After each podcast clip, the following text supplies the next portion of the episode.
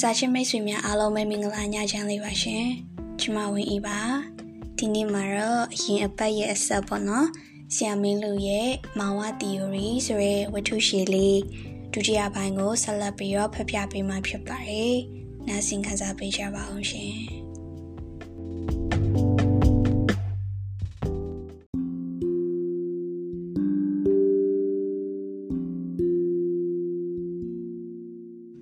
ကယ်တော့ရွှေကြီးအမေသည်မောင်ဝနှင့်ရွှေကြီးကိုချိန်နဲ့သဘောတူခဲ့ပြီးသားဖြစ်၏မောင်ဝယူသားကြောင့်သူတည်သည်တခုပဲရှိရာက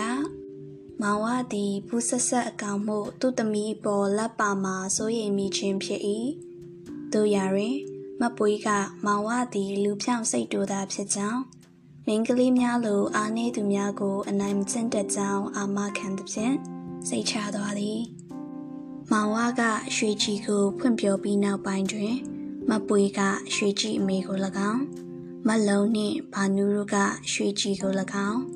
မောင်ဝါကိုလက်ခံမှုစီယုံတိမ်သွင်းခဲ့ကြသည်တကယ်တော့ထိုအချက်ကိုရွှေကြီးကတိတ်ပဝင်မကြ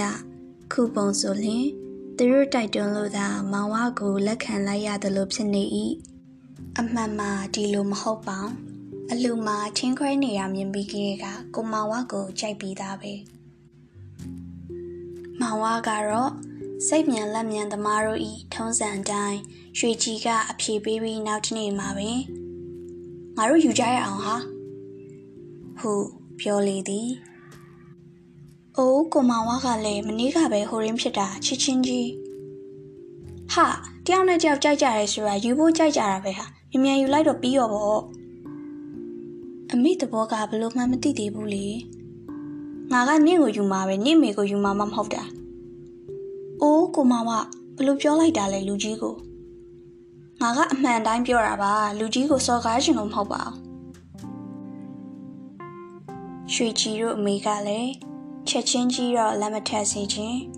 အချိန်နည်းနည်းယူပြီးငွေလေးပါလေးစုစေခြင်းသည်တငယ်ချင်းတွေလည်း လက်ထပ်ဖို့ကိုအလော30မလုပ်ဖို့ပြောကြသည်ငါကတော့စိတ်မြန်လက်မြန်ပဲကွာနောက်လေယူရမယ့်အတူတူစောစောယူတော့စောစောဖတ်တင်တာပေါ့ဟုမောင်ဝါကဆိုသည်ဒီလိုကိစ္စမျိုးဆိုတာဆန္ဒစောလို့မရဘူးကွနှစ်ဦးနှစ်ဖက်ညှိညှိနိုင်နိုင်နဲ့စနစ်တကျအချိန်ယူဆောင်ရွက်တဲ့ညံစိန်ကဝင်ပြောသည်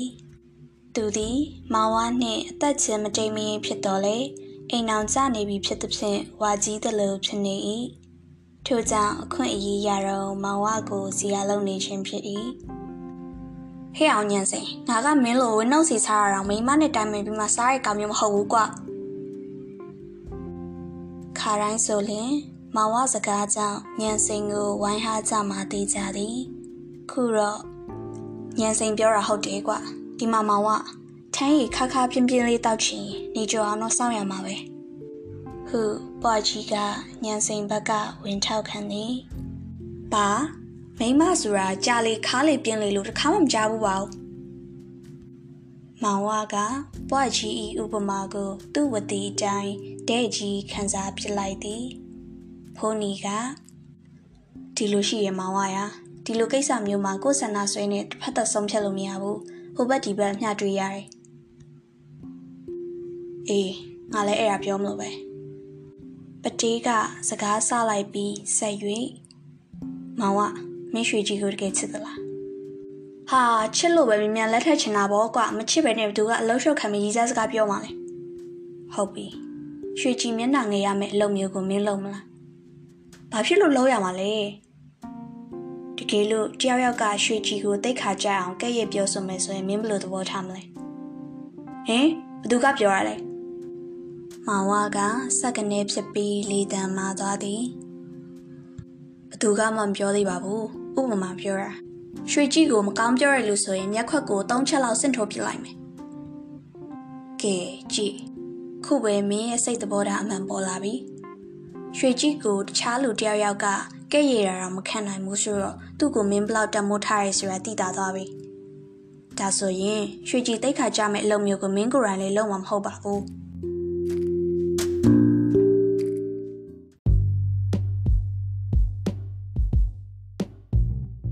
ငါကဘာလုပ်နေလို့လဲမမင်းစိတ်ထဲကတော့မလုပ်ဘူးလို့ထင်တာပေါ့ဒါပေမဲ့တစ်ခါတစ်ခါမင်းကစိတ်ထဲထင်တာတွေဆွတ်ဆွတ်လောက်တော့တခြားလူကိုထဲမတွက်သလိုဖြစ်ဖြစ်သွားတယ်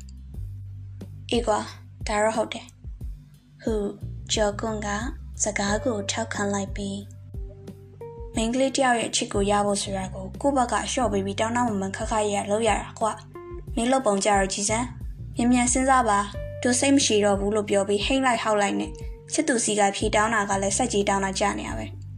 ဟိုကကြောက်လန့်ပြီးမြန်ဖြေပေးလိုက်ရအောင်မဟုတ်လားတကယ်လို့အပြစ်ပြောခြင်းနဲ့ပတ်ဝန်းကျင်မျိုးဆိုရွှေကြီးကိုအညာလွဲတဲ့မင်းကလေးလို့ထင်သွားဘူးလားမင်းလောက်ပတ်ကိုစဉ်းစားကြည့်စမ်းမောင်ဝသည်တွေးပြီးစဉ်းစားနေ၏ထို့နောက်အေးမင်းပြောတာဟုတ်တယ်ဒီတော့ကဲကွာကဲကွာဆိုပြီးသူ့မေယိုကိုသူ့ဘက်သာခက်ပြင်းပြင်းထိုးလိုက်သည် ပွားကြီးကလက်ကိုဖမ်းဆွဲထားပြီးဟဲ့အောင်ဟဲ့အောင်ဘာလုပ်တာလဲရွှေကြီးတိတ်ခါကြအောင်လုပ်တဲ့ကောင်ဆိုမျက်ခွက်ကိုသုံးချက်ဆင်ထိုးမယ်လို့ငါပြောထားတယ်လေအခုငါကြောင့်ရွှေကြီးကိုအညာလွဲတဲ့မိန်းကလေးလို့ထင်ခံရတော့မယ်မဟုတ်လားဒါကြောင့်ငါကိုငါထိုးတာခုကြတော့လဲတဲနေလိုက်တာညံစိန်ကဝင်ပြောသည် ဖိုးနီကနောက်တစ်ခုထပ်ပြောရအောင်မယ်မင်းကအခုကြိုက်ပြီးအခုလက်ထက်ချင်နေဆိုတော့မင်းမငွေဘယ်လောက်ရှိလဲ 300လောက်ရှိရယ်300နဲ့မိန်းမယူလို့ရမလားကွာမင်းဟာကအတီးကလက်ကပြပြီးငါပြောမယ်မောင်ကမိန်းမယူရဲဆိုတာလွယ်လွယ်လေးမဟုတ်ဘူးမင်္ဂလာဆောင်ရအောင်မယ်မင်္ဂလာဆောင်ကိုလည်းပြီးပြီးရောလုပ်လို့ရတာမဟုတ်ဘူးငါနဲ့ဘာနူးနဲ့မင်္ဂလာဆောင်တော့ငါဆိုရင်ငါတို့အဖေတော်ကုန်းခဲ့တာကွာအေးငါမှတ်မိတယ်ကွာမင်းတို့အဖေကဘာနူးတို့မိဘတွေကိုအမောင်းအောင်ပေးရသေးတယ်လေ ပွားကြီးကဝင်ပြောတဲ့ဖြင့်ပတေးကဟာဘဲကလားအမောင်းမဟုတ်ပါဘူးကွာမဟာတင်တယ်လို့ခေါ်ရဲရွှေရောပတ်စံရော9000လောက်ကုန်တယ်အဲ့ဒီတော့9000ဆိုတာနဲတာမဟုတ်ဘူးနော်ဧည့်သည်တွေကိုလည်း special ကျွေးတာကွာအီရာနီပလောင်ဆိုတာလေလူတွေဆိုတာကွာစားလိုက်ကြတာဒီလောက်ကောင်းတာမျိုးတစ်ခါမှမစားဘူးဘူးလို့တတတပြောယူရတယ်မကောင်းလဲနေမလားကွာငါတို့ဖေးရဲ့ဖိုးစတော်ကဲကြီးဥမောင်စိန်ဟာဆိုရင်ဟေ့အောင်တေး မင်းဟာကမဆိုင်တာတွေရှောက်လီမရှိနဲ့ကွာမောင်ဝကိစ္စပဲပြောဟုကျော်ကွန်းကဟန်တားလိုက်သည်ဒီလိုမှမတားလျင်လေပတေးဤထုံးစံအတိုင်းစတော်ကင်းမျိုးရိုးရာဇဝင်ကို ရှည်လျားစွာပြောလိုက်မည်နိုင်ငံကျော်စာရေးစီဟာချစ်ဦးညိုကတော့ထိုစတော်ကေးကြီးဦးမောင်စိန်အကြောင်းကိုအခြေခံ၍မဆလာဒီပါချစ်သူအမည်ဖြင့်ရာဇဝင်ဝတ္ထုရှည်ကြီးတစ်ပုဒ်ရေးတော့မလို့လို့ပြောတတ်သည် တကယ်တော့အိမ်အောင်ရေးဆိုတာဥပမာပြောရရင်ကျော်ကွန်းကလက်ချအလှည့်ယူဖို့စကားစားလိုက်စဉ်မောင်ဝစိတ်မရှိတော့ပဲဟဲ့အောင်တွေမင်းတို့ဟာကဥပမာတွေများနေပြီကွာလိုရင်းပြောဆိုတော့မှဖိုးနီကဒီလိုကွာမောင်ဝမင်းကလေးတယောက်အဖို့တတ်မှတစ်ခါပဲမင်္ဂလာဆောင်ရတာလေမင်းအနေနဲ့ရွှေကြီးကိုတကယ်တမှုထားရဆိုရင်တင်းတင်းတတဲလေးကိုလှုပ်ပေးတဲ့နဲ့ နှမို့ဆိုမုံဆိုးမသားအမိမို့ပြပြရောလှုပ်တယ်လို့ပြောစရာဖြစ်လာမယ်မင်းလည်းသိခါကြတာပေါ့အေးမင်းတို့ပြောတာမှန်တယ်ဒီတော့ငါဒီနေ့ကစပြီးအလုပ်စူးစမ်းလုပ်မယ်ပတ်စံစုမယ်ကောင်းကောင်းမွန်မွန်လက်ထပ်နိုင်တဲ့အချိန်ကြမှာသူ့ကိုယူမယ်ဒါပဲမောင်ဝါကယတိပြတ်ဆုံးဖြတ်ချက်ချလိုက်၏တို့ရရင်ခုလိုအချိန်ယူစီစဉ်မှုမောင်ဝါကိုဝိုင်းဝန်းစီယုံတိုက်တွန်းခဲ့ကြခြင်းသည် မောင်ဝါနှင့်ရွှေကြည်တို့၏ချစ်စလန်ကိုရှည်လျားသောဤလေလေစမျောကြီးဖြစ်သွားစေကြောင်းနှောင်းတော်မှတည်ခဲ့ကြရလေသည်မောင်ဝါကတိတ်တွက်ချက်စဉ်းစားတတ်သူမဟုတ်ဘယ်ကိစ္စမဆိုအဖြောင့်တွေးပြီးအဖြောင့်လုပ်တတ်သူဖြစ်၏ရွှေကြည်နှင့်ပတ်သက်သောသူ့အမြင်သူ့စီမံကိန်းကရှင်သည်ရွှေကြည်ကိုသူချစ်သည်ရွှေကြည်ကိုသူတမိုးထားသည် ထို့ကြောင့်တင်းတင်းတတေလက်ထက်ယူရမည်ဒီအတွက်အလုပ်ကြိုးစားမည်ငွေစုမည်ဒါပဲဒီနေရာမှာပြောစရာတစ်ခုရှိသည်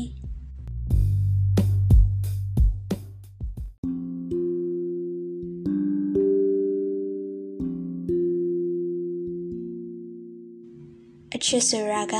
ကိုချစ်ပဲဖြစ်ဖြစ်အပြန်အလှန်ချစ်ပဲဖြစ်ဖြစ်နှစ်ပေါင်းထောင်တောင်းချီအောင်တည်တဲ့နေနိုင်သည် နှလုံးသားဖောင်းပွားမှုကြောင့်အချစ်စီတတ်တယ်ဆိုတာလည်းမရှိဈေးကွက်ကမောက်ကမဖြစ်လို့အချစ်တွေဈေးထိုးကြရဲဆိုတာလည်းမရှိအချစ်တမှုသည်အစဉ်အမြဲတည်ငြိမ်မှုရှိ၏တို့ရရင်ကုံစည်းနှုံးဆိုတာကတော့အချစ်လိုချင်းငိနာမျိုးမဟုတ်ဒီကောင်ကအမြင့်ကုန်မှအမြဲတမ်းမှန်းနေသူဖြစ်၏ထိုအခါမောင်ဝသည် အလုတ်ကိုအသေးအတန်စူးစမ်းပြီးလုပ်သည်တို့ရရင်သူကအကြံဖန်လုပ်တတ်သူမဟုတ်ငွေကိုယင်ပြီးကျိုးပွားအောင်လုပ်တတ်သူမဟုတ်အတတ်ပညာကိုယင်ပြီးကြီးပွားအောင်ကြံဆောင်တတ်သူလည်းမဟုတ်သူ့မှာရှိရာကလှုပ်အားပဲဖြစ်၏ထို့ကြောင့်လှုပ်အားတံမိုးလောက်သာရနိုင်သည်ပြီးတော့သူဤဈေးကွက်ကလည်းအကန့်အသတ်ရှိ၏သူကအလုတ်ကိုပို့လုံးနိုင်ရင်တော့ သူစီကရေဝဲသုံးသူတွေကပုံမဝေနိုင်တနေ့ရေတစီယူတဲ့လူကနှစ်စီတိုးပြီးဝင်မှမဟုတ်ဒီတော့ဝင်ငွေကတိုးမလားမောင်ဝသည်မနက်ပိုင်းဈေးဘေးကလမ်းကြားလေးတွေမှာကုံစင်းရောက်နေဆိုတော့လေဆိုင်နှင့်ကနားနှင့်မဟုတ်မြမဆဆလေးမရောက်နိုင် ပြီးတော့ဈေးရောက်တဲ့အလုပ်စရာကနှုတ်ချရသည်ဝယ်သူမျိုးမျိုးအပေါ်တီးခံရသည် အကိုရဲ့အမရဲ့ဆိုပြီးအောက်ကျရသည်မောင်ဝါကဒီလိုမဟုတ်စိတ်ကလည်းတူသေးသည်လာပါဝဲပါလေအော်နေတာမဟုတ်သူကဈေးမှန်နေရောင်းတာကိုမတရားလာဆက်လျင်လဲပြဿနာတက်သေးသည်သူတို့ရောင်းရသည့်နေရာကတရားဝင်စပေးထားခြင်းမဟုတ်သူတို့လိုအပြင်းနန်းလမ်းဘေးရောင်းသူတွေကြောင့်ဈေးရုံကြီးတွေမှာဆိုင်ခန်းကဈေးကောက်ပေးထားရသူတွေအယောင်းဝယ်ပါရသည်ဆိုပြီးတိုင်သဖြင့် ဈေးကောင်စီကလာတာသည်ဒီမှာရမေမောင်ဝကထိုးမိတ်ချိမိလို့သဖြင့်နောက်ရက်ရောင်းခွင့်မရတော့ပြပြလေးလေးပြောလျင်တညာမှုရနိုင်တာကိုမောင်ဝကပွဲချမ်းသဖြင့်ခုလိုဖြစ်ရတာဆိုပြီးတခြားဈေးတွေကမကြည်လင်ကြထို့ကြောင့်မောင်ဝလည်းကုံစိမ်းရောက်တဲ့အလုပ်ကိုဆွန့်လွတ်လိုက်ရ၏ဒီလိုနဲ့6လလောက်ငွေစုလျင် ရွှေကြီးကိုလက်ထပ်နိုင်မည်ဟုမှန်းထားရလဲပြတ်သွားရတော့သည်မောင်ဝသည်အသုံးစရိတ်ကိုခြွေတာကြည့်ပြန်သည်တကယ်တမ်းခြွေတာမေလို့တော့ရှော့သုံးစရာဆိုလို့မမေရရမရှိရတွေ့ရပြန်၏သူကအဝတ်အစားလဲကောင်းကောင်းဝတ်သူမဟုတ်ရီးစားနဲ့ချင်းတွေးဖို့အင်ကြီးလှလှပစိုးကောင်းကောင်းဝေစရာလည်းမလိုများသောအားဖြင့်စွတ်ချေလက်ပြက်နှင့်လေသမားတစ်စိတ်ပစိုးလောက်နှင့်ပြီးသည် ရည်စီလဲတွန်းတဲ့အချိန်ဆိုစွတ်ချေတော်မိုးပဲအပေါ်ပိုင်းဗလာနှင့်ဖြစ်၏ရှက်အင်ကြီးဆိုလို့တထေသေးသာရှိသည်ဒါကလည်းအလူရီပါရီရှိလျင်နာဝတ်ဖြစ်တာနေသည်အလူဆိုလင်သူကအလောက်ကျမ်းမှန်သမျှဝင်ကူနေရတာကိုရွှေကြီးနဲ့တွေ့ရတဲ့အချိန်ကလည်းရေခက်ရေထမ်းနေတဲ့အချိန်ဆိုတော့အင်းကြီးချွန်းနေတာများသည် ရွှေကြီးကလည်းမြင်နေကြဆိုတော့မောင်ဝဆိုလျင်အင်းကြီးမပါတာကပိုကြည့်ကောင်းသေးသည်ဟုသာထင်မိ၏တခါတော့တငယ်ချင်းတွေမြောက်ပေးသဖြင့်တထဲကြီးသောရှအင်ကြီးကိုဝတ်ပြီးရွှေကြီးလောကအပြာမလမ်းမှာသွားဆောင်နေဘူးသည်ရွှေကြီးသည်မောင်ဝကိုတတိမပြုမိအနားရောက်လို့မောင်ဝကဟဲ့ရွှေကြီးဟုခေါ်လိုက်တော့မှဟေးကိုမောင်ဝ တအံ့တော်ရေရွတ်သည်နင်ငါ့ကိုမြင်ဘူးလားမောင်ဝကမေးတော့အမတ်တမဲ့ဆိုတော့တတိမပြုတ်မိဘူးရှက်အင်ဂျီကြီးနဲ့ဆိုတော့ရုတ်တရက်မှတ်မိလို့ပါတဲ့ဒီအတိုင်းဆိုမောင်ဝအနေဖြင့်တကယ်လို့ရုပ်ဖြတ်ပြီးသွားလာစရာများရှိလျင်သူများလိုမျက်မှန်အမဲကြီးတက်တာတို့ပန်းချပြီးရောင်ဆောင်တာတို့စပင်အတူးဆက်တာတို့လုံနေစရာတော့မလို့ ရှက်အင်ကြီးတစ်ထဲကောက်ဝလိုက်ယုံတာဖြစ်လေ၏မောင်ဝသည်ဆေးလိတ်မတော့သဖြင့်ဒီအတွက်လည်းငွေမကုန်အတော့အစားကိစ္စကြတော့လေတခါတလေမှတငယ်ချင်းတွေနဲ့အပျော်ဝိုင်းဖွဲ့တက်ချင်တာဖြစ်၏လောင်းကစားလည်းမရှိနှလုံးတိုက်သုံးလုံးတိုက်တွေကိုလည်းမတိချတဲ့ကိစ္စအချောင်ရတဲ့ငွေမျိုးမလိုခြင်းဆိုပြီးကင်ကင်နေတတ်သည်ဒီတော့သူ့မှာရှော့စရာဆိုလို့အစားကိစ္စပဲရှိ၏ သူကမနက်အိပ်ရာထားလျင်ထမင်းချမ်းစားပြီးနောက်ပတေးဆိုင်မှာလက်ဖက်ရည်တစ်ခွက်ဝင်တော့တတ်သည်လက်ဖက်ရည်ဖြတ်လိုက်လျင်ငွေပို့ထွက်လာမှာပဲဆိုပြီးနေ့ရက်၃ရက်လောက်ဆိုင်မှာသွားမထိုင်မဲနေတော့အခါဟဲ့အောင်မောင်ကမင်းဘာလို့ဆိုင်ကုန်လာရလဲဟုပတေးကမေးသည်ငါကငွေစုနေရတယ်လေကွာဒါကြောင့်လက်ဖက်ရည်ပို့တက်တာအောင်ဖြတ်လိုက်တာ ဟာကွာလက်ဖေးတစ်ခွာလောက်တော့ငါတိုက်နိုင်ပါတယ်မနဲ့တိုင်လာတော့ကွာငါပတ်စံမယူဟုပတေးကကန်လန်းသည်မောင်ဝသည်ဒါမျိုးအလကားစားတာတောက်ကြတော့လုံးလေးမရှိ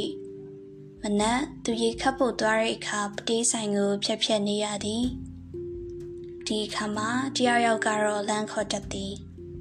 သူ့ဖို့လေဒီအချိန်လေးပဲတငယ်ချင်းတွေနဲ့စကားပြောရင်တနေ့တာအလုပ်လုပ်ဖို့အပန်းဖြေအာယူရခြင်းဖြစ်၏ ထို့ကြောင့်လက်ဖက်ရည်တစ်ခွက်စာတော့ပိုရှာလို့ရပါတယ်ဆိုပြီးပြန်ထိုင်ဖြစ်သွား၏ဒီတော့ထမင်းလျှော့စားဖို့ပဲရှိတော့သည်ဒါတော့လုံးဝမဖြစ်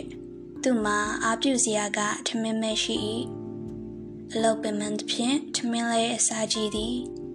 တခါစားရင်တလုံးချက်တသားတော့အေးအေးလေးကုန်သည်ဟင်းကိုလည်းဖြစ်သလိုစားနိုင်သူဖြစ်၏ထမင်းများများစားမှအလုပ်ပိုလုပ်နိုင်မည်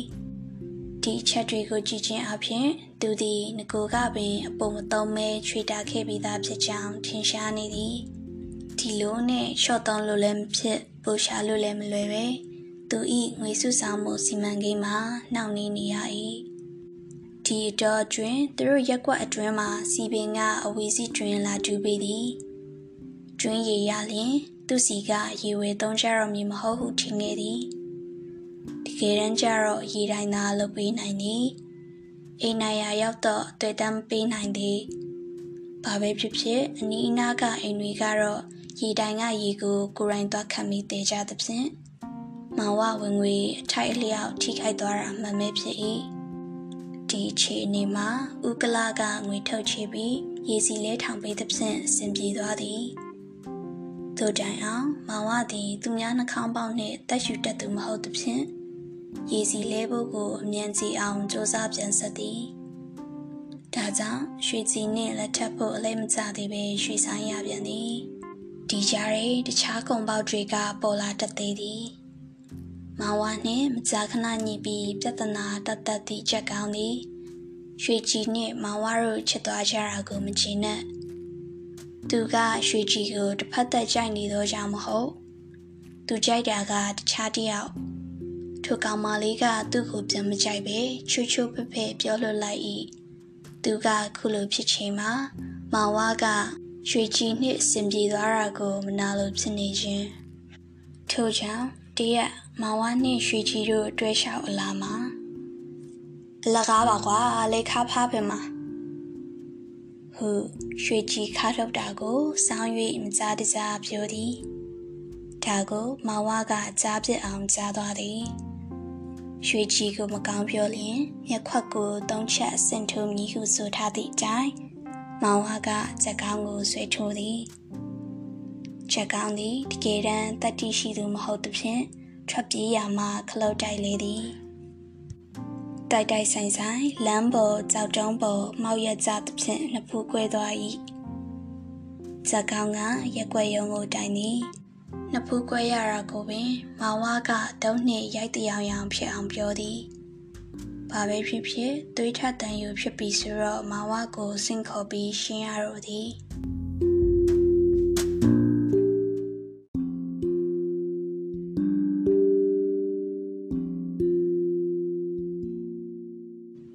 ချက်ကောင်းက သူ့ကိုနစ်နာခြင်းနှင့်စေးဘဝကငွေတစ်ထောင်ပေးရမည်ဟုတောင်းဆိုသည်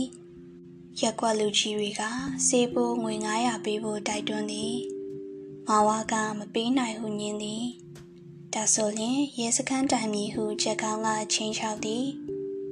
ရဲစခန်းရောက်လျင်အ ਨੇ ဆုံးတညတော့အချုပ်ထဲဝင်ရမည်အစင်မသိလျင်ရုံးတင်တရားစွဲခံရနိုင်သည် ထိုအခါရှေ့နေငှားရရနေပါနဲ့ဆိုဒီထက်မကငွေကုန်မည်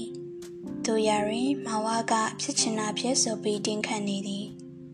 နောက်ဆုံးရွှေကြီးကကြက်ကောင်းတောင်းသောငွေပေးလိုက်ဖို့တိုက်တွန်းသည်မဝါကနေနဲ့လက်ထပ်ဖို့ဆူထားတဲ့ငွေတွေကတော့တပြားတစ်ချက်မှအထိမခံနိုင်ဘူးဟုဆိုသည်ထိုအခါရွှေကြီးကလက်ထပ်ဖို့ကိစ္စကရွှေ့လို့ရပါတယ်ကိုမောင်ဝါရဲ့ လက်တလောပြဿနာကိုရှင်းဖို့သာအရေးကြီးတာပါကိုမောင်ကအဖမ်းခံရစိုးရိမ်တာနဲ့ကျမတည်လိမ့်မယ်ဟုငိုယိုပြီးတောင်းပန်သဖြင့်မောင်ဝဆုထားသောငွေတွေက900ရော့သွားလေတော့သည်မောင်ဝအိမ်ကတနည်းမိုးထားသည်တကယ်ဆိုရင်နှစ်နှစ်တစ်ခါလောက်တော့အစ်စ်မိုးတင်သည်တို့ရတွင်စုထားတဲ့ငွေတွေကရော့သွားမည်ဆိုသဖြင့် ဆွေးနေပေါက်နေသောနေရာမှသာအစာထုတ်ပြီးနေခဲ့၏ဒါတောင်တစ်နှစ်ထက်တစ်နှစ်ဆွေးတဲ့နေရာကပူပူချေဝန်းလာနေသည်နောက်တော့အရေးကြီးတဲ့နေရာတွေသာအစ်စ်လဲပြီးဇန်နာတော့ယူလဲယူပါစီမိုးရွာတော့သာယူတာပဲဆိုပြီးပြစ်ထားလိုက်၏သူ့အိမ်ကိုပြစ်ထားနိုင်တော့လေရွှေကြီးအိမ်လေးကိုတော့လစ်လျူရှုမထားနိုင်ရွှေကြီးတို့အိမ်ကလည်းတနိမိုးဝါထရန်ကပင်ဖြစ်၏ ရွှေကြီးကယူဆောင်လုပ်ငန်းမွေးတိုင်လုပ်ငန်းစသည်တို့မှာအစဉ်သင့်သလိုဝင်လုပ်သည်ရရလောက်အားခကတာအမိနှစ်ယောက်စားလောက်ယုံသာရှိ၏ထို့ကြောင့်မိုးရင်းယောက်ျားနှင့်ဒနိမိုးဖို့ပြဿနာကိုနှစ်ဆင်ကြုံရသည်တနှစ်မှာတော့မိုးဦးကအစောကြီးဝင်လာသည်ဆရွာသောနေ့မှာပင်မိုးကတော်တော်သေးသည်မောင်ဝါသည်ရွှေကြည်တို့အိမ်အတွက်စိုးရိမ်သွား၏ ထို့ကြောင့်မိုးရွာကြီးထဲမှာပင်ပြေးပြီးကြည်သည်လေးပါပါသဖြင့်ရွှေကြည်တို့အိမ်ကလေး၏တနိမိုးများလန်ထွက်ကုန်သည်တအိမ်လုံးနေရာမလတ်အောင်မိုးယူနေ၏ရွှေကြည်တို့သားမိသည်မိုးယူခြင်းမှကင်းလို့ရာတခုတည်းသောနေရာဖြစ်သည့်တောင်ကွေမှာပူကပ်ပြီးငုတ်တော့ကလေးတွေထိုင်နေတာတွေ့လိုက်ရလေသည်မောင်ဝတော်တော်စိတ်မကောင်းဖြစ်သွားသည် ထို့ကြောင့်သူစုထားသောငွေကလေးဖြင့်ရွှေကြီးတို့အိမ်ကိုတနည်းမိုးပေးလိုက်ရလေတော့သည်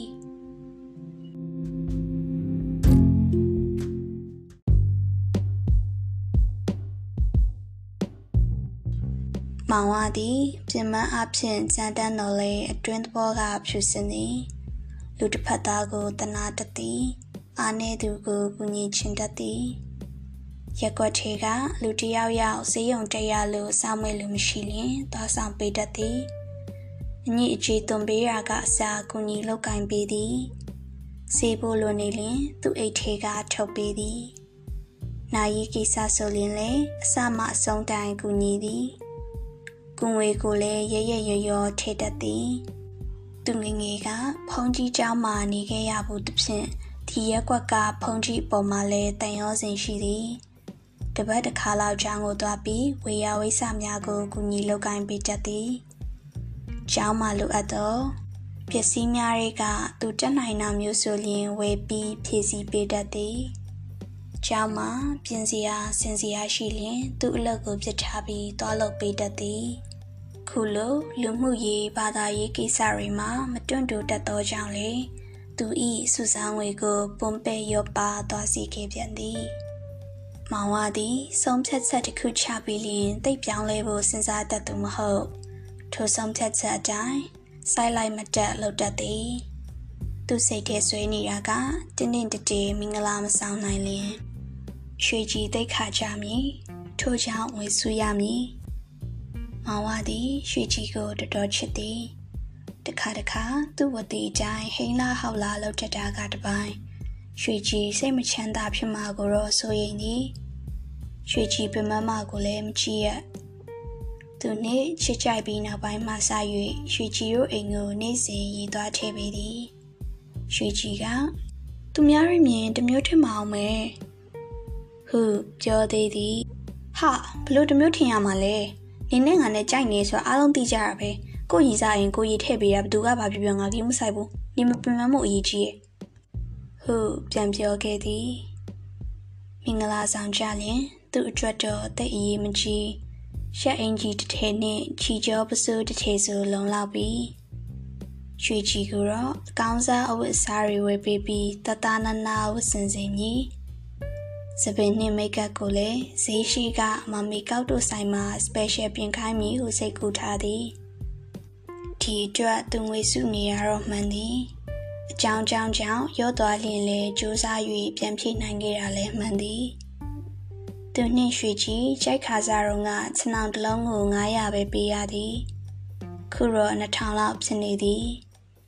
သူ့မှာရှိရဲ့ငွေဆိုရင်ခြံအောင်တစ်လုံးကားအုံးနှလုံးနဲ့စောင်းထေလောက်နဲ့ကုန်နေပြီအဲ့ခံစည်းရိတ်ကိုဖေးထားအဝတ်အစားဝယ်နိုင်မည်မဟုတ်ဒီလိုနဲ့ပဲမောင်ဝါဤမင်္ဂလာဆောင်မျောလင်းဆက်ကလေးမှာ မြမအတန်မတည်င်းလာကန်နီစိန်ကပ်ပြီးလွှင့်သောချင်းကောင်းလေးတစ်ပုတ်လိုမပြီးဆုံးခင်မှာပင်မိမိရက်တန့်သွားခဲ့ရတာလေချိန်ချိန်မှာပဲသူများတွေလို၃နှစ်၃မိုးတောင်မကသူတို့က9နှစ်9မိုး6နှစ်6မိုးနောက်ဘယ်နှစ်မိုးလာအောင်မလဲမသိအစာပိုင်းမှာတော့အမေကဘယ်တော့လဲလို့မေးနေတယ် ဟုရွှေကြီးကတခါတလေတတိပေးတတ်သေးသည်ဒီလိုမေးလိုက်တဲ့အခါတိုင်းမောင်ဝမျက်နှာတုံတုံမုံမုံဖြစ်သွားတတ်တာမြင်ရသဖြင့်နောက်မမေးဖြစ်တော့မောင်ဝကဒီတစ်ခါဝမဝင်ခင်တော့ယူနိုင်မှာမဟုတ်သေးဘူးဟာဟုပြောလာသည့်အခါမျိုးမှာကျမဆောင်းနိုင်ပါရဲ့ကိုမောင်ဝရဲ့ဟူ၍သာပြန်ပြောမိတော့သည် ထိုစကားသည်ရွှေကြည်ဖို့တည်င်းစာရဲမှမကြော်ညာပဲအပိုင်ရထားသောမူပိုင်ခွင့်လိုဖြစ်နေလေပြီရက်ွက်ထဲကလူတွေကလည်းအစပိုင်းတွင်မဝကိုတွေ့လင်ဘယ်တော့စားရမလဲကွဟုမေးတတ်သည်ဒီလိုမေးခံရတိုင်းမဝမှာတတိနေသူတရားဟုဆွဆွဲခံလိုက်ရသလိုခါကနေဖြစ်သွားရ၏ နောက်ပိုင်းမှာတော့လူတွေကမမေ့ပြော့ပြော့တောင်ဖြစ်သွားကြ၏မောင်ဝါနှင့်ရွှေကြီးတို့ကိုလည်းရီးစားတက်တန်းအရှိဆုံးစံချိန်တင်မှုစူးစမ်းနေသူများဟူ၍သာသဘောထားလိုက်ကြတော့သည်မောင်ဝါကတော့မမေ့ပြော့ပြော့မဖြစ်ရွှေကြီးကိုလက်မထပ်နိုင်သေးပဲဖြစ်နေရသည့်အတွက်သူကသူပြစ်မကင်းသူတယောက်အဖြစ်မြင်ပြီးတနှုံနှုံခံစားနေရသည်တည်င်းချပြီးဆိုရင် မောင်ဝါတို့အနေစရာမရှိတော့ရွှေကြီးတို့တားမိမျက်နှာကိုမကြည့်ရဲ့ကြာတော့တည်င်းချကိုမုန်းချင်လာသည်အေးကွာတခါတခါတော့ကြော်ကုန်းတို့လိုဖြစ်ရင်ကောင်းမလို့တွေးမိရဲ့ကွာဟုတငယ်ချင်းတွေကိုရင်ဖွင့်မိငါနဲ့ပါဆိုင်လို့လဲကွာကျော်ကွန်းကလည်းပြန်မေးသဖြင့်ဒီလိုလေ မင်းတို့တော့ကလှထောင်တို့အဖေကြီးကသဘောမတူဘူးဆိုတော့ခိုးပြလို့ရတယ်ငါတို့ကြတော့ရွှေကြီးတို့အမေကသဘောတူပါရဲ့ပြောထားတော့ခိုးပြလို့လည်းမရလက်ထပ်ဖို့ကြတော့လင်ငွေကမရှိနဲ့ခတ်နေတာပေါ့ကွာဒါဆိုလဲဖြစ်တယ်လို့ယူလိုက်ပေါ့ကွာဟုပြောလို့လည်းမဖြစ်တငယ်ချင်းများအနေဖြင့်ဟိုတစ်ချိန်တုန်းကဒါမျိုးဆိုတာချိန်ယူပြီးစနစ်တကျဆောင်ရွက်တင်ကြောင်းပြပြရောလို့လျင်ရွှေကြီးကိုတမုံမထားရရောက်ကြောင်း ဆရာကြီးလှုပ်ပြီးကြံပေးခဲ့သည်ခုချမချကွာဆိုပြီးကြံပေးလို့မဖြစ်ပြီးတော့လဲရွှေကြီးကိုတိတ်ခါကြအောင်လှုပ်တဲ့ကောင်မျက်ခွက်ကိုသုံးချက်စင်ထုမဲဟုမောင်ဝကကျင်းထားရလဲရှိသေးတကူဒီလိုလုပ်ပါလားကွာဥကလာစီကပတ်စံချေးပြီးမင်္ဂလာဆောင်လိုက်ပေါ့ဟိုတခါရေစီလဲတွန်းကိစ္စလဲသူပဲထုတ်ချေရမဟုတ်လားဟုကျော်ကွန်းကအကြံပေးသည်မောင်ဝက ဒါတော့မဖြစ်ဘူးကွာမောင်ဝဆိုရဲကောင်ဟာသူများထောက်ပံ့ရမှာမိမရတဲ့ကောင်လို့ပြောမခံနိုင်ဘူးပြီးတော့ဒီငွေကလည်းနောက်ပြန်ဆက်ရမှာပဲမဟုတ်လားထိုအခါဖိုးနီကဝင်နောက်သည်ဒါဆိုရင်တော့ဥဖိုးပြောကိုသာကိုကြီးတောင်းဝေရဘာကူညီတောင်းရမှာလဲရေတရာချီယာတို့ဘာလို့တော့ငါဝါနံပေါင်းအဲ့ဒါပြောတာမဟုတ်ဘူးကွညောင်မေကြီးအောက်မှာမန်တက်ထိုးပြီးမင်းရဲ့မင်္ဂလာဆောင်အတွက်အလူခံခိုင်းမလို့ကွဘာကွ မောင်ဝလက်မြောက်ခနေဖြစ်သွားသည်ပြီးမှဖိုးနီမင်းငါ့ကိုမစော်ကားနဲ့မင်းမှုလို့ငါမလုပ်ရလို့တခြားလူဆိုဆွဲထုတ်ပြလိုက်ပြီငါကနောက်တာပါကွာဟုဖိုးနီကလေးပြော့လေးနဲ့တောင်းပန်သည်ပွားကြီးသည်ဒီလိုကိစ္စမျိုးမှာရှရှာပွဖွေကြံစီရတတ်သူဖြစ်သည့်အတိုင်းဒီမှာမောင်ကဟဲ့အောင်ဒီခါဆိုငါမညာတော့ဘူးနော် မောင်ကချင်းချောက်ရင်လက်သီးထောင်ပြသည်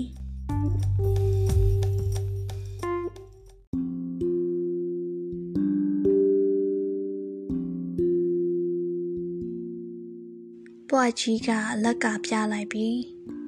ငါကအကောင်းပြောမလို့ပါကွ။ဘာလဲပြော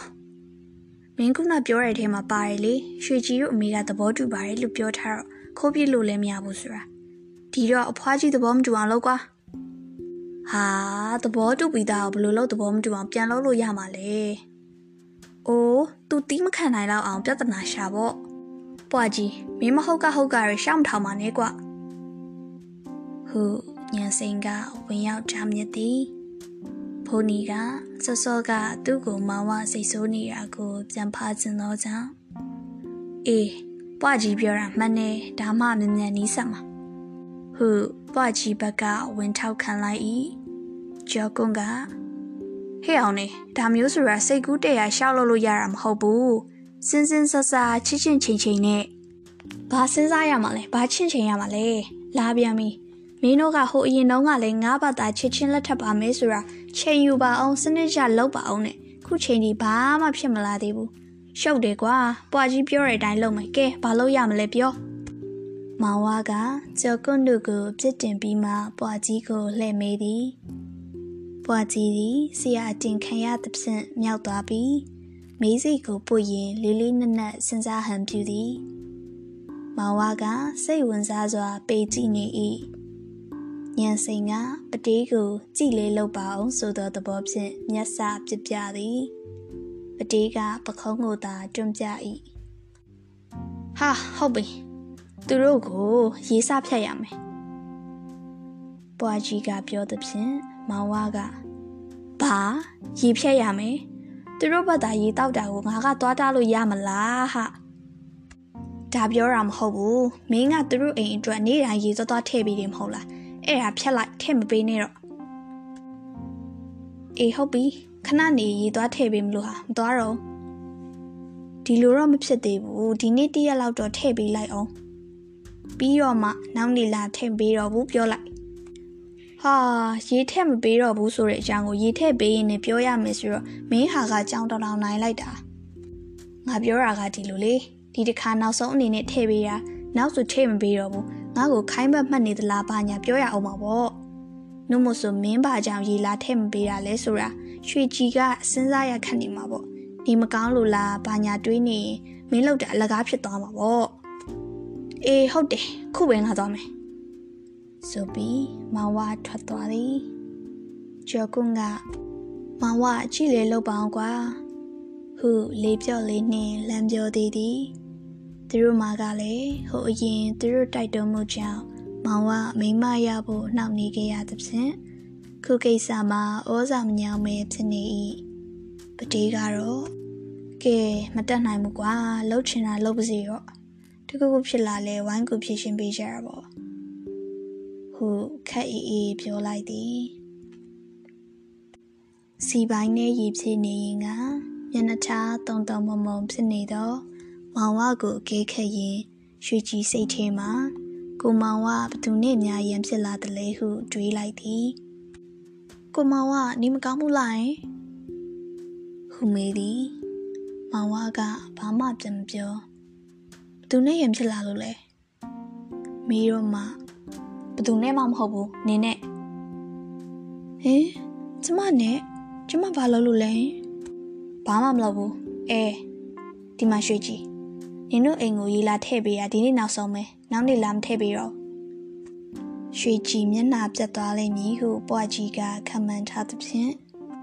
မောင်ဝကေခတ်ကြည့်သည်ရွှေကြီးကဘာမှဖြစ်ဟန်မပြပဲကျမလည်းအဲ့ဒါပြောမလို့ဘာဘာပြောမလို့လဲ အော်ကိုမောင်ကလည်းကျမတို့အိမ်ကိုရေလလာထည့်ပေးနေရတာပြန်မလာပြီလို့အမေကလည်းအားနာရဲလို့ခဏခဏပြောတယ်။ဤထက်မပေးနေတော့ကျမဘတာခံမယ်လို့ပြောမလို့ဟာကိုမောင်ကစိတ်ဆိုးသွားမှဆိုလို့ပြောရဲခဲ့ရ။ခုလိုဆိုရပြီးတော့ပေါ့။မောင်ကချင်တာနဲ့လွဲသွားသည်။ဘာပဲဖြစ်ဖြစ်ရှော့လိုက်လို့ရမဖြစ်ဟုတွေးပြီးဒီမှာရွှေကြီးငါကနွားမဟုတ်ဘူးသိလား။ဟူရုတ်ကြီးရပြောလိုက်ရာရွှေကြီးကြောင်သွားပြီး ကျမသိတာပဲကိုမောင်ဝရဲ့မောင်ဝဘာဆက်ပြောရမှမသိဖြစ်သွား၏ပွားကြီးတင်ပေးလိုက်ကြရီကအရေးလေးကြတော့အစီအစဉ်အတိုင်းမမတ်မိတော့ဒီမှာနင်းနဲ့ငါနဲ့ဘာမှဟုတ်သေးရမဟုတ်ဘဲနဲ့ရေလာထည့်ပေးရတဲ့အတွက်လူတွေကငါ့ကိုနွားကြတယ်လို့ပြောကုန်ကြပြီဒါကြောင့်နောက်ကိုရေလာမထည့်ပြီးတော့ဒါပဲဟုပြောပြီးအမြန်လေးထွက်လာခဲ့၏ရွှေကြီးတော့စိတ်ဆိုးသွားမှာပဲဟုမျောလင်းတော့လေဘာမှမထူးခြားပဲ ကိုမောင်ကရေပုံးကျင်ခဲ့ပြီလေလူရောင်လှမ်းတကြည့်ပေးလိုက်သေးသည်မောင်ဝသည်ဖိုးနီနှင့်ပွားကြီးတို့ကိုဆရာကျင်ပြီးသူတို့ပြောသည့်အတိုင်းလိုက်လုံနေသည်ကျော်ကွန်းနှင့်ညံစိန်တို့ကတော့ဒီဒီလိုစိတ်ထင်အားလောက်ကြတော့အားမပေးဘူးငါတို့မပါဘူးဆိုပြီးရှောင်ထွက်သွားသည်ပတေးကလည်းအစရုံးကတော့ကန့်ကွက်သေးသည်နောက်တော့ပွားကြီးကဒီညနေမောင်ဝကိစ္စတိုင်မင်းရင် နည်းနည်းပပတောက်ရအောင်ဟူဆွေသောအခါဘာပဲဖြစ်ဖြစ်ငါဝင်ထိမှဖြစ်မယ်ဆိုပြီးပူပေါင်းပါဝင်လာတော့သည်သူတို့သည်ပွားကြီးဤထရီထဲမှဆုံပြီးတောက်ကြသည် ပြီးတော့မောင်ဝဤအခြေအနေကိုသုံးသပ်ကြသည်မင်းကသူတို့အိမ်ကိုရီဖြတ်လိုက်တော့ရွှေကြီးကစိတ်ခုမသွားဘူးလားဘာမှမထူကြဘူးအခုသူ့ဟာသူရေခတ်ထဲနေတယ် ဒါပေမဲ့ဖွားကြီးကတော့တော်တော်စိတ်ဆူသွားမှာပဲဆိုလာမဆိုလာမသိဘူးမနက်ကသူတို့အိမ်ရှိကဖြတ်ပြီးရေးစီလေးတွန်းသွားတော့ဖွားကြီးကသူတို့အိမ်မှာငါကြိုက်တဲ့တဲ့ခန်းရင်ဒီငပိချက်ချက်လို့ထမင်းဝင်စားသွားပါအောင်လို့လှမ်းခေါ်သေးတယ်အင်းဒါဆိုရင်တော့ညီးပြူဟာတမျိုးပြောင်းမှဖြစ်မယ်ဖိုးနီကပြောသည်ပွားကြီးကအရက်ခွက်ကိုမြောက်ကန်ကြည့်ရင်စဉ်းစားနေပြီးမှ ဒီလိုလောက်ကွာမင်းတို့အိမ်ရှိမှာတချင်းသွားဆိုဟာပြဿနာဖြစ်အောင်လုပ်ရမယ်ဆိုပြီးဘဲနဲ့တချင်းသွားဆိုရမှာလေရိုးရိုးတချင်းမဟုတ်ဘူးကွမိမတွေမကောင်းကြောင်းပါတဲ့တချင်းဆိုရမှာဒီထဲမှာရောက်ခမကိုပါထိုက်ကြိုက်ထားရပါတယ်ဒါမှအဖွားကြီးပါစိတ်ဆိုးသွားမှာပေါ့အေးကောင်းတယ်ကွာဟုပတေးကထောက်ခံသည် ဒါပေမဲ့ငါမှတချင်းမဆိုတတ်တာငါတင်ပေးမှာပေါ့ကွာဆိုပြီးပွားကြီးကနှုတ်တိုက်ချပေးသည်ဖိုနီကလည်းအာသွတ်သွားအောင်တစ်ခွက်လောက်ထက်ချအောင်ကွာဟိုကြံပေးသည်ထို့နောက်ရွှေကြီးတို့အိမ်ရှိကိုသွားကြသည်အိမ်ထဲကမီးရောင်မိတ်တုံမိတ်တုံမြင်ရသဖြင့်မအိပ်ကြသေးကြောင်းသိတာ၏ ကဲဆိုတော့ကြည်ကြည်လေးဆိုနော်မူးတဲ့အတန်မျိုးလေးပါပါစေစိတ်ညစ်လို့အရက်ကိုတောက်တယ်အရက်တောက်တော့စိတ်မှညစ်တယ်ဟုအော်လိုက်၏သူဆိုဟန်မှာတချင်းဆိုတာနဲ့မတူစာတင်သားပစင်းငယ်ရီစာအော်စက်တာနဲ့တူနေသည်ခုချိန်ကြတော့မှတော့ပြင်ပေးဖို့မဖြစ်တော့စက်သားဆိုအကြောင်းရှာတော့ခေါင်းမချချလဲတခုပဲတည်တယ်တငယ်ချင်းတွေက လောကကြီးမှလေးခုဝင်អော်ပေးသည်မျက်နှာမရှိရင်မျက်နှာမရှိရင်ပတ်စံအင်မတန်ငယ်ဟေ့အောင်မှားနေပြီကွမျက်နှာမရှိရင်ပတ်စံငယ်တာမဟုတ်ဘူးပတ်စံမရှိရင်မျက်နှာငယ်တာတော်ပြီကွာမင်းတို့ဟာကရှုံနေရပဲဟာအခုကြမှာစက်မစိုးလို့ဖြစ်မလားဆိုချင်လဲမင်းတို့ပဲဆက်ဆိုတော့ထိုစဉ်တွင်ရမကာလေးထွေလာတိုင်း ချင်းဆိုရမှဂျင်းနဲ့တတော်ပတိကငါဆက်ဆိုပေးမယ်ကွာဆိုပြီးဖိုးနီတို့မတားဆီးနိုင်ခင်မှာပင်ဂုံဂုံဂုံဂုံဆိုတာငွေကိုခေါ်တယ်ငွေကိုသာရေလိုသုံးရင်တပြည်လုံးမှာလုံးသမျှတင်နေ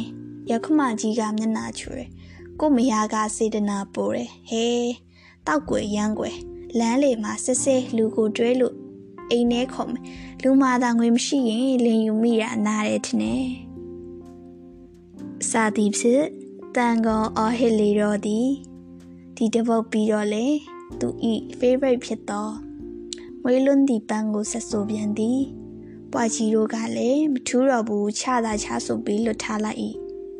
ဒီကြားထဲမှာဦးကျော်မိုးသည်ခက်ထွထွေနဲ့ရောက်လာပြီးဘာလို့နေကြရလဲကွာဟူမေးသည်တချင်းဆိုနေရပါဟုပီပီရောပြောလိုက်ရငါလဲတပုတ်အားပေးလိုက်အောင်မယ်ဆိုပြီး လေတကွန်တချင်းဝင်ဆိုသည်ခဏကြာတော့ဒီဝါနန်းလေးစိုက်ကားလေးထိုးရက်စင်လာပြီးကြာလီလီဝေးမှဆိုရဲတချင်းဝင်ဟဲပြန်သည်ဒီလိုနဲ့သူတို့ဝိုင်းမှာစီကားပြီးပြောစရာကြီးလို့ဖြစ်နေတော့သည်ပတေးကလည်းအရှိန်မတက်နိုင်တော့ပဲကလားတချင်းတစ်ပုတ်ကိုစာဟစ်လေသည်ဟေ့အောင်ပတေးကလားတချင်းတော့မဆိုနဲ့ကွာသူတို့နားလေမှာမဟုတ်ဘူး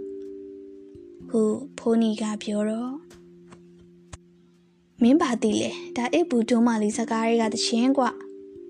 ကလားမွေးလွန်းတီပန်းလို့ပြောလို့ရတယ်ဒါရင်မကဒီတစ်ခါမပြတ်ကြွေသွားစီရမယ်ဆိုပြီးသူကိုယ်တိုင်ဆက်ဆိုထားသည့်တချင်းတစ်ပုတ်ကိုဆိုသည်ခုံတချင်းတွေက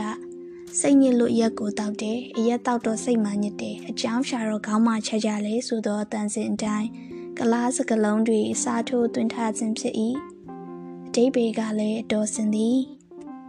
ဒဲလချာနီရဲ့ရှရပီကရှရပီကဒဲလချာနီရဲ့ host me အနီစီစီအလာတာဟိုကီယာ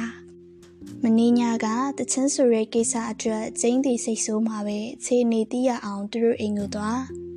သူတို့ကမစီမနှက်ပြောလျင်ဒါကိုအစထုတ်အကြောင်းရှာပြီးအပြတ်သားကိုကေဟူပွားကြီးကအကြံပေးသည်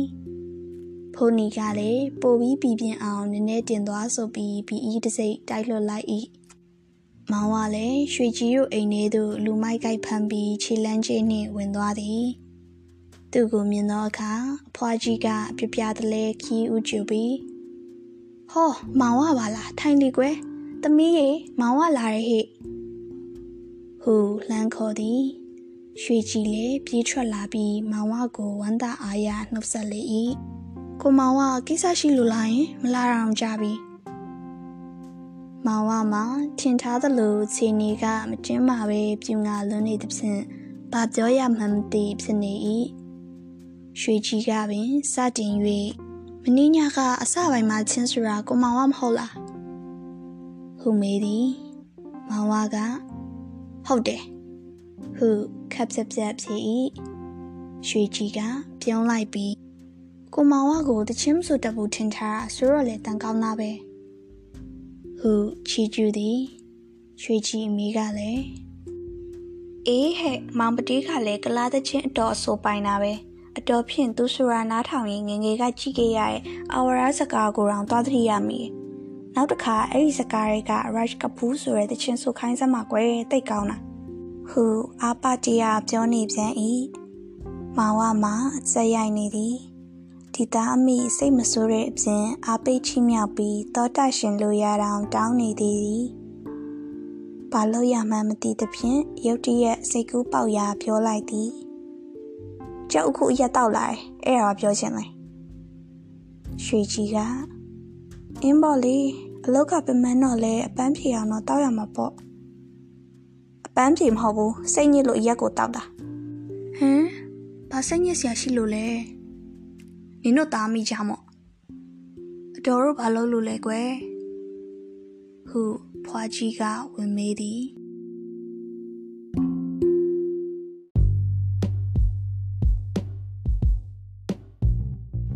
ဘာလို့ရမှာလဲခမရတို့ကြောက်ကိုထင်သေးနေရမဟုတ်လားမသေးပါကွယ်ဘာကြောင့်သေးရမှာလဲဟင် ကျုပ်ကတော့ပင်ပင်မမတ်အလုပ်လုပ်ပြီးငွေစုရတယ်ခမရတို့ကတော့မြင်မြန်လက်မထနိုင်ရကောင်းလားဆိုပြီးမကြေမနက်ဖြစ်နေကြတယ်မဟုတ်လားမဟုတ်ပါဘူးကိုမောင်ဝရဲ့ဘလောက်ကြကြစောင့်ပါမယ်လို့ကျမပြောခဲ့ပြီးသားပဲရွှေကြီးကမျက်နှာငယ်လေးနှင့်ပြောသည်ဖွာကြီးကလည်းဟုတ်ပါတယ်ကွယ်အတော်လဲစိတ်ထဲမှာမင်းကိုနည်းနည်းမှအပြစ်မတင်ပါဘူးဖျားပေးပေးချမ်းပေးပေးပါမောင်ကလည်းမတက်တာတော့တဖြင့်ဝုန်းကနေထရက်ပြီးမရဘူးဗျာ မကြေမနက်ဖြစ်ကိုဖြစ်ရမယ်မကြေနပ်ဘူးလို့ပြောရမယ်ပြောဟုတ်ပြောရမယ်အဖွာကြီးမှာကြောင်ငင်းကြီးလုံနေပြီးမှအေးပေါ့ကွယ်ပြောဆိုလေပြောရတာပေါ့ဒါဆိုပြောအင်းအဲမကြေနပ်ဘူးဆိုပါတော့ကွယ်ဟုတ်ပြီငင်ကောမောင်ဝကိုရွှေကြီးကမျက်လုံးကလေးပုတ်ခတ်ပုတ်ခတ်လို့ရင်ကျမလေးအမေသဘောတိုင်းပါပဲခုပြောသည် ဒါပဲကြောက်လို့ချင်တာဒါပဲမောင်ဝကတံပြက်နှင်ပြောပြီးခြာကနေလဲထွက်သွားသည်ရွှေကြီးသည်ပါဇက်ကလေးအဟောင်းသားငေးကြည့်ရင်ကြံခဲ့ရှာသည် အဖွာကြီးကတော့အင်းမောင်ဝကိုခုလိုပုံစံမြင်ရတော့ညီတို့ဖေကိုတတိရလိုက်တာသူလဲမောင်ဝလိုစိတ်တူတတ်တာပဲဒါပေမဲ့သူတို့ကောင်းကြည့်ပါကွယ်ဟုတ် တန်တန်တတပြောလိုက်၏မောင်ဝသည်တေကိုင်းကြောက်ကိုမွေဟောက်မှတ်ပြီးသွားစမိသူလိုဖြစ်နေ၏သူဘာပဲလှုပ်လှုပ်ဘာပဲပြောပြောရွှေကြီးတို့ကစိတ်မစိုးဒါရင်မကမောင်ဝခုလိုစိတ်ကြောက်ကြရဖြစ်နေတာအမောင်ပီယောကကြောင့်ဖြစ်ရမယ်ဆိုပြီးဥဖို့ပြော့စီသွားမိရေရရချီညောင်မင်းကြီးမှမွေးတိုင်ချုံပြီးဆူတောင်းတာတို့လုပ်ပေးသေးသည်ဒီလိုနဲ့ ရွှေကြီးတို့သားမိတုံ့ပြန်မှုကသူတို့ထင်တယ်လို့ဖြစ်မလားသဖြင့်ပွားကြီးတို့ဖိုးနီတို့လည်းပါဆက်ပြီးကြံပေးရမှမသိအောင်အုံနောက်ချောင်းနေသည်ထိုစဉ်မှာပင်မချင်မတ်သောကိစ္စတစ်ခုဖြစ်လာ၏မောင်ဝါကရေထက်မပေးရသဖြင့်အိမ်သုံးမှုရေကိုရွှေကြီးဘသာခဲရသည်တရက်တွင်ရေခက်ရင်က ရွှေကြီးချော်လဲသဖြင့်ခြေရောက်ခောက်ပြီးလမ်းနောင်ကောင်းကောင်းမရှောင်နိုင်ပဲဖြစ်သွား၏ထိုတည်င်းကိုကြားသောအခါမောင်ဝသည်ဟင်းကနေရေယူလိုက်ပြီးနောက်တွေ့တွေ့ငငိုင်ကြီးဖြစ်နေလေသည်ရွှေကြီးတို့အမေအိယာကနို့လို့မျက်နှာတစ်ဖို့အိမ်ဘေးဘက်ထွက်လာသောအခါစီပိုင်းထဲမှာရေရီပြည့်ရှင်ကြနေတာတွေ့လိုက်ရ၏ထို့ကြောင့်နောက်ဖေးဘက်ကိုခတ်တွတ်လျှောက်သွားပြီးမိမွေးနေသောရွှေကြီးကို သမီးရဲ့ခြေရောက်နာကြီးနဲ့လမ်းအောင်ကောင်းကောင်းရှောင်းနိုင်သေးတာမဟုတ်ပဲဘာကြောင့်ကြီးခက်ရတာလဲဟူမေသည်ရွှေကြီးကလည်းဟင်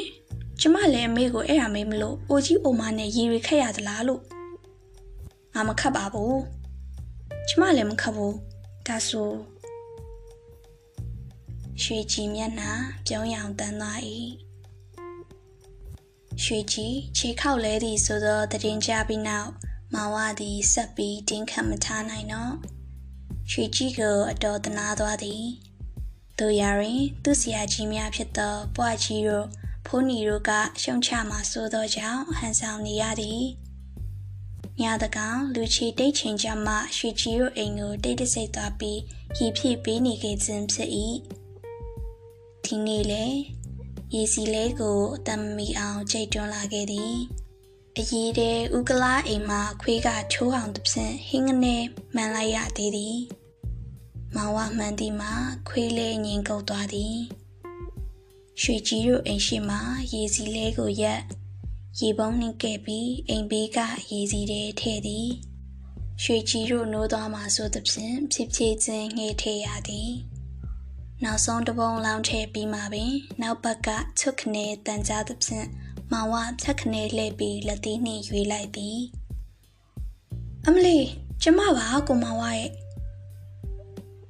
ရွှေကြီးကလက်ကလေးကရင်ပြောသည်ဟင်ရွှေကြီး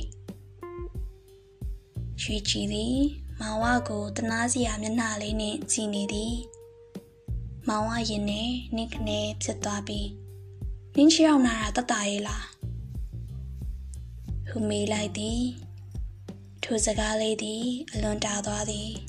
ငါတောင်းမမာရဟာငါကြောင့်နင်ခုလိုဖြစ်ရတာဒါဟာငါအဖြစ်တွေပါပဲနင့်ကိုချစ်လွန်လို့ခုလိုဖြစ်ရတာပါတကယ်တော့အချစ်ဆိုတာစသည်ဖြင့်ပတ်ချွဲနဲ့ချွဲရီရှီလျားစွာပြောနေတာချက်ပုတ်ပြီးထီရောက်သည်ရွှေကြီးကလည်းဆိုလိုရင်းကိုနားလေသည်ထို့ကြောင့်ပြောင်းယုံသာပြောင်းလိုက်၏သူတို့နှစ်ယောက်သည်တယောက်ကိုတယောက်မမိတ်မတုံငေးဆိုင်ကြည့်နေကြသည် မောင်ရိပ်ကြနေတော့လေသူတို့ဤမျက်လုံးများမှာတလက်လက်တောက်ပနေကြသည်အနီးအနားမှာစိန်ပွဲစားတွေမရှိတာတော်သေးသည်မောင်ဝါသည်ရွှေကြည့်ကိုစိုက်ကြည့်နေရမှာဆုံးဖြတ်ချက်တစ်ခုကိုရုတ်တရက်ချလိုက်ပြီး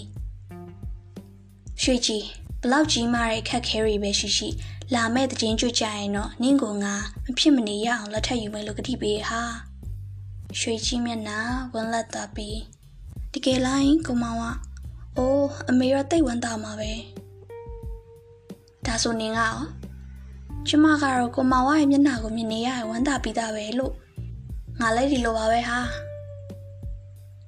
ဟုတ်ပြောပြီးမောင်ဝကရွှေချီဤလက်မောင်းနှစ်ဖက်ကိုစုပ်ကိုင်းလိုက်သည်ရွှေကြီးတို့အမေသည်ချောင်းဟန်ပြီးတတိပေးလိုက်ရကောင်းမလားငြိမ်နေလိုက်ရကောင်းမလားဝေခွဲမရဖြစ်နေသည်တ ကယ်ဆိုတော့ထိုနေ့သည်တစားမောင်းလာစံတရနေ့သာဖြစ်လေ၏မင်းလူ